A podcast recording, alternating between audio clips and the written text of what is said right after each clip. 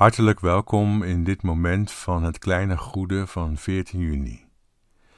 Laten we bidden een gebed van deze zondag en we doen dat met een gebed van Tom Naastepad uit Tegen des Levensloop, pagina 26.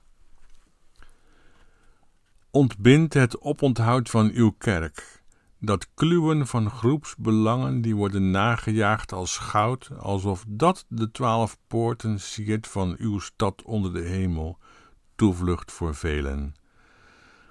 Ontbind het valse front en die bedrieglijke slagorden, ze staan wel paraat, grimmig bereid, de bressen te dichten van doorbroken zeden, maar lasteren uw gericht en kennen geen genade. Maar bind uw volgelingen aan de blijdschap van uw weg, de vreugde van de wet, de dienst van uw naam. Wel vast is uw belofte, maar telkens transparant, wel huiselijk en aards, maar in gelijkenissen. Amen.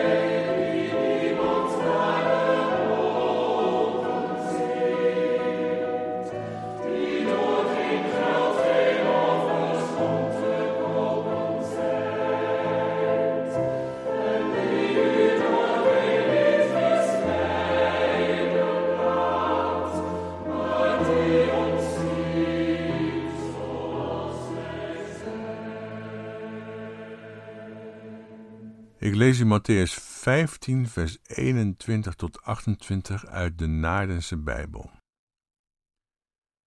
Jezus gaat daar vandaan weg en neemt de wijk naar de gebiedsdelen van Tyrus en Sidon. En zie, Een Canaanese vrouw uit die gebieden komt naar buiten. Ze heeft het op een schreeuwen gezet en zegt: Ontferm u over mij, Heer, zoon van David. Mijn dochter wordt kwaadaardig door een demon bezeten. Maar hij antwoordt haar met geen woord. Zijn leerlingen komen tot hem en hebben hem gevraagd en gezegd: Maak u van haar los, want zij schreeuwt ons achterna. Maar hij zegt ten antwoord: Ik ben slechts uitgezonden tot de verloren schapen van het huis van Israël. Maar zij komt, bewijst hem hulde en zegt: Heer, help mij. Maar ten antwoord zegt hij: Het is niet fraai het brood van de kinderen te nemen en het voor de hondjes te werpen. Maar zij zegt: Zeker, Heer, maar ook eten de hondjes van de kruimels die vallen van de tafel van hun heren. Dan zegt Jezus ten antwoord tot haar: O vrouw, groot is je geloof, geschieden moet aan jou zoals je wilt. Vanaf dat uur wordt haar dochter geheeld. Tot zover. Na de Assyrische inval en genocide van het tienstammenrijk in het noorden en de Babylonische ballingschap van het Tweestammenrijk en de daaropvolgende Hellenistische dictatuur en slavernij, is het volstrekt logisch dat in Israël gold dat je het heilige niet aan de honden moest geven. Met andere woorden gezegd, werpt uw parels niet voor de zwijnen. Zo zegt Jezus het in Matthäus 7, vers 6. Matthäus schreef zijn verhaal na de val van Jeruzalem waar de Hellenistische cultuur, de Griekse cultuur dus, vanuit Rome de stad had verwoest en volledig had platgebrand, met de grond gelijk gemaakt. In de Messiaanse gemeente heeft men toen enorm geworsteld met de situatie die toen is ontstaan. Paulus, die leefde en werkte in de jaren 40 en 50 en die in 62 of 63 in Rome eh, terecht zal zijn gesteld, zag in Messias Jezus een verzoening tot stand gebracht tussen Jood en Griek, verbonden in één lichaam. Maar dat was nu moeilijk geworden toen de oorlog, die Paulus trachtte te voorkomen, toch was uitgebroken nadat Paulus gestorven was, en die geleid heeft tot een vier jaar durend ellendig conflict met een verwoestende slag in het jaar zeventig. Hoe moest de Messiaanse gemeente van Jeruzalem op die rokende puinhopen die droom van Paulus nu nog vormgeven? Het is inderdaad niet goed om het heilige aan de honden te geven, uw parels voor de zwijnen, want ze zullen zich omkeren naar u toe en u beginnen te bijten. Dat was de overall opvatting geworden.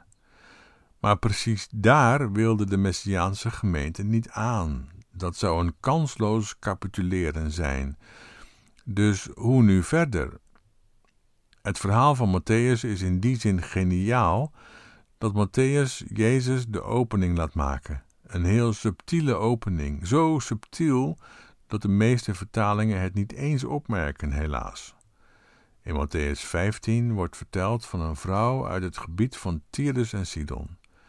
Tyrus was eveneens door de Romeinen platgebrand en Sidon ook al, maar dan eerder en de bevolkingen van beide steden waren als slaaf verkocht en afgevoerd. En uit dat gebied komt een Griekse met een zieke dochter, bezeten, waarmee de verteller de vruchteloosheid en de toekomstloosheid van de volkerenwereld wil tekenen. En dit verhaal is de inleiding op de tweede wonderbare spijziging.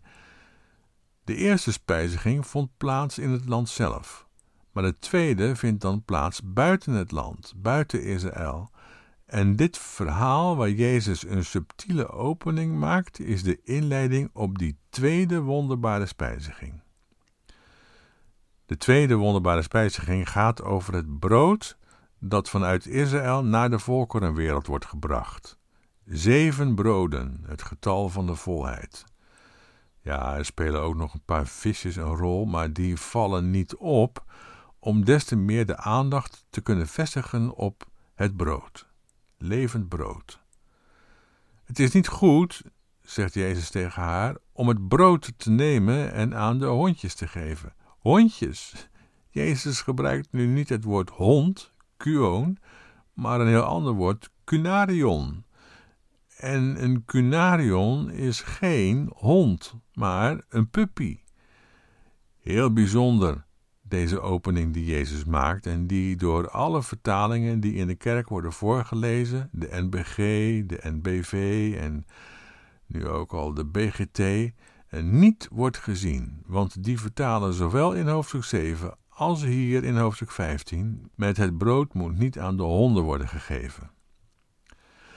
Als je dat doet, dan maak je ervan dat Jezus zich laat beïnvloeden door een zekere onderdanigheid, om niet te zeggen kruiperigheid van een vrouw. Dat lijkt logisch en past ook in onze genderbepaalde, nogal mannelijke Bijbeluitleg, maar het is uiteindelijk verwoestend, want het maakt van de Joden een hooghartig volkje en van de Grieken een nederig en kruiperig stelletje, en dat beeld kan nooit tot iets goeds leiden. Jezus doet dat dus ook niet en spreekt deze vrouw niet aan met hond, maar met puppy. Een puppy is geen hond, ja, een jong hondje. Maar er is een enorm verschil. Een puppy wordt door iedereen aardig en lief gevonden. Een puppy wordt opgepakt en geknuffeld en gestreeld. Ach, wat een schatje. Een hond niet. En zeker niet de honden in de cultuur daar. Eh, dat waren schurftige dieren, straathonden, die een schop konden krijgen. De vrouw maakt gebruik van de opening die Jezus biedt. De Griek maakt gebruik van de opening die Messias maakt. Een wonderlijk verhaal, waarbij het initiatief aan Jezus wordt gelaten. Hij krijgt daar enorm gedonder mee en rondom hem ontstaat een vreselijk geding. Is hij de Heer, Jezus Curios, of moet je zeggen, weg met hem, anathema Jezus? Voor Joden is het voorstelbaar dat ze voor het laatste kiezen.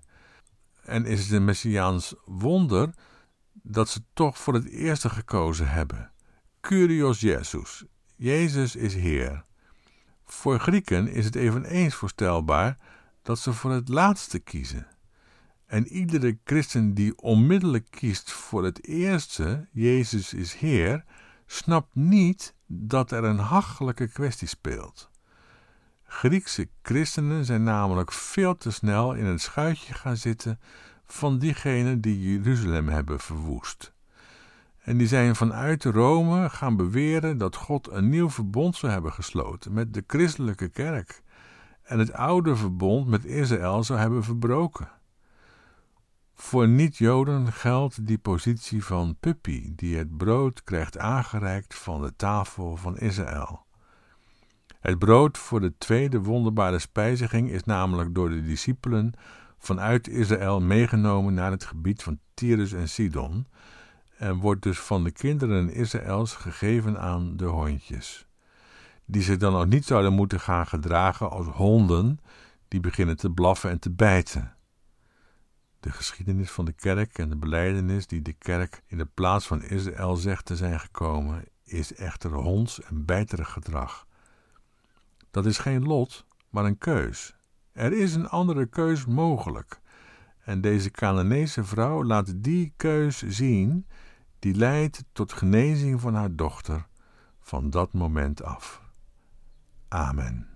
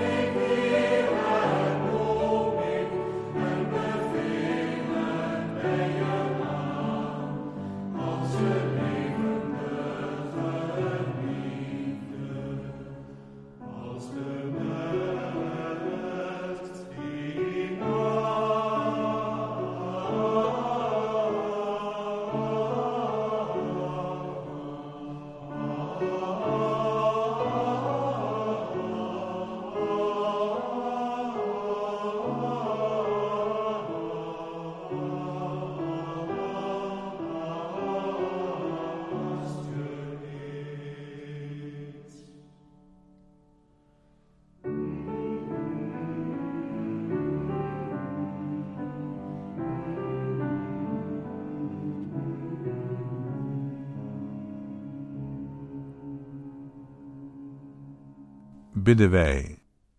Gij die niemand naar de ogen ziet, die door geen geld, geen offers om te kopen zijt, en die u door geen lied misleiden laat, maar die ons ziet zoals we zijn, die ons gebiedt en smeekt van u te zijn, uw beeltenis, uw zoon, uw rechterhand, die doet wat moet gedaan, die ons gebiedt en smeekt de vreemdeling te geven brood en kleding, die hoopt dat wij met onverhuld gelaat uw licht weerkaatsen, die ons tot een spiegel slijpt waarin uw toekomst zichtbaar wordt. Gij die ons hebt gezocht toen wij niet naar u zochten, die nog dagelijks uw afkeer overwint, uw woede temt, uw trots aflegt, uw hart tot mededogen buigt, u omkeert naar ons toe, gij die ons met uw ogen vangt, gij die ons vraagt, wie ben je? Wil je? Kom dan.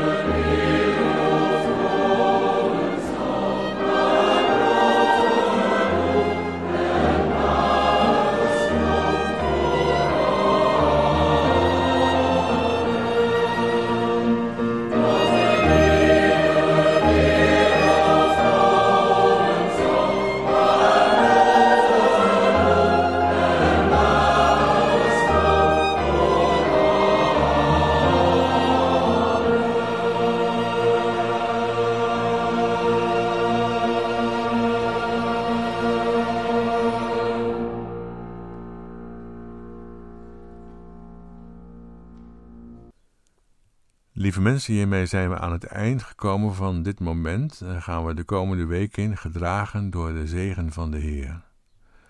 Mogen God ons zegenen met onrust over gemakkelijke antwoorden, halve waarheden en oppervlakkige relaties, zodat er diepgang is in onze harten.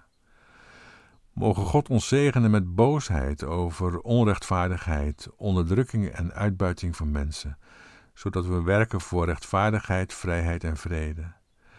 Mogen God ons zegenen met tranen die we plengen voor hen die lijden door pijn, verstoting, honger, oorlog en racisme, zodat we onze handen zullen uitstrekken tot troost.